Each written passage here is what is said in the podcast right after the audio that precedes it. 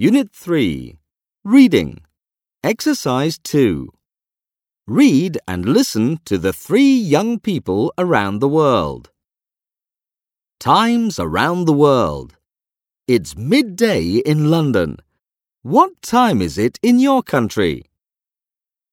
Barbara, It's night here, and I'm in my bedroom. I go to bed at this time during the week. At the weekend, we often have barbecues in our garden, and I go to bed late. Renata, Wow! Is it really night there, Barbara? Amazing! I start school now.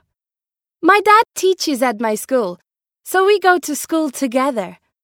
I don't call him dad at school. I call him sir. Ahmed, Hi, Renata. Hi, Barbara.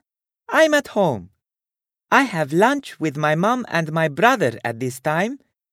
My brother is two. He doesn't go to school. I play with my brother after lunch. He's funny. We usually sleep in the afternoon because it's very hot here.